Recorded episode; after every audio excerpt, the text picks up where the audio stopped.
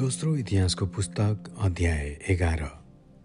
जब रहबाम हेरुसलेममा आइपुगे तब तिनले आफ्नो निम्ति राज्य फिर्ता लिन इजरायलको विरुद्धमा लडाईँ गर्नलाई यहुदा र बिन्यामिनका घरानाका एक लाख अस्सी हजार योद्धाहरू भेला गरे।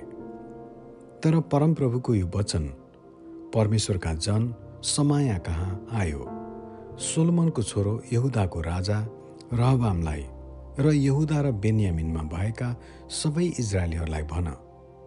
परमप्रभु यसो भन्नुहुन्छ तिमीहरू आफ्ना दाजुभाइहरूको विरुद्धमा युद्ध गर्न उक्लेर नजाओ। तिमीहरू हरेक आआफ्नो घरमा फर्केर जाओ किनभने यो काम मैले गरेको हो। यसै कारण तिनीहरूले परमप्रभुका वचन पालन गरे र यरोबामको विरुद्धमा आफ्नो धावा त्यागिदिए। रहबामले यहुदालाई सुरक्षित बनाएका।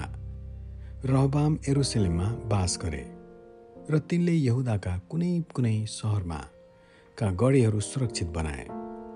तिनले सुरक्षित बनाएका यहुदा र बेन्यामिनमा भएका सहरहरू यिनै थिए।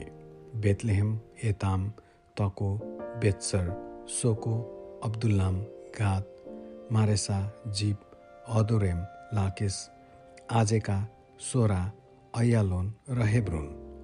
तिनले ती सहरका गढीहरू सुदृढ पारे र तिनमा राज्यपालहरूलाई नियुक्त गरे।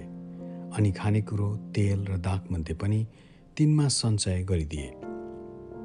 तिनले प्रत्येक सहरमा ढाल र भालाहरू जम्मा गरेर राखे र तिनका गढीहरू सुदृढ पारे। यसरी तिनले यहुदा र बेन्यामिनमाथि आफ्नो अधिकार कायम राखे। जम्मै इजरायलका चारैतिरबाट पुजारीहरू र लेबीहरू आफ्नो इलाकाहरूबाट रहबाम कहाँ आए।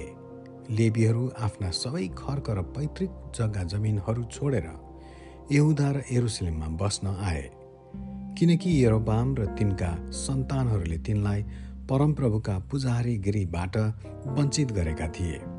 डाँडाका अग्ला थानहरू र तिनले बनाएका बाख्रा र बाछाका मूर्तिहरू पूजा गर्न एरोबामले आफ्नै पुजारीहरू नियुक्त गरे। परमप्रभु इजरायलका परमेश्वरलाई खोज्न अठोट गर्ने इजरायलका सबै कुलबाट आएकाहरू चाहिँ परमप्रभु तिनीहरूका पुर्खाका परमेश्वरलाई बलिदान चढाउन एरुसलेममा जाने लेबीहरूका पछि लागे। तिनीहरूले एउटाको राज्य स्थिर गरेर तीन वर्षसम्म सोलमनका छोरा रहबामलाई समर्थन गरे र त्यसबेला तिनीहरू दाउद र सोलमनका चाल अनुसार हिँडे। रहबामले महलतलाई विवाह गरे। तिनका पिता दाउदका छोरा एरिमोत र आमा चाहिँ इसैका छोरा एलियाबकी छोरी अबिहेल थिइन्। तिनीबाट रहबामका यी छोराहरू भए एउस समरिया र साहम। त्यसपछि तिनले अब्सालोमकी छोरी माकालाई विवाह गरे। तिनीबाट तिनका यी सन्तान भए अबिया अत्तै जिजा र सलोमित। आफ्ना सबै पत्नी र उपपत्नीहरूमध्ये रहबामले माकालाई ज्यादै प्रेम गर्थे। तिनका जम्मा अठार पत्नी र साठी उपपत्नीहरू थिए।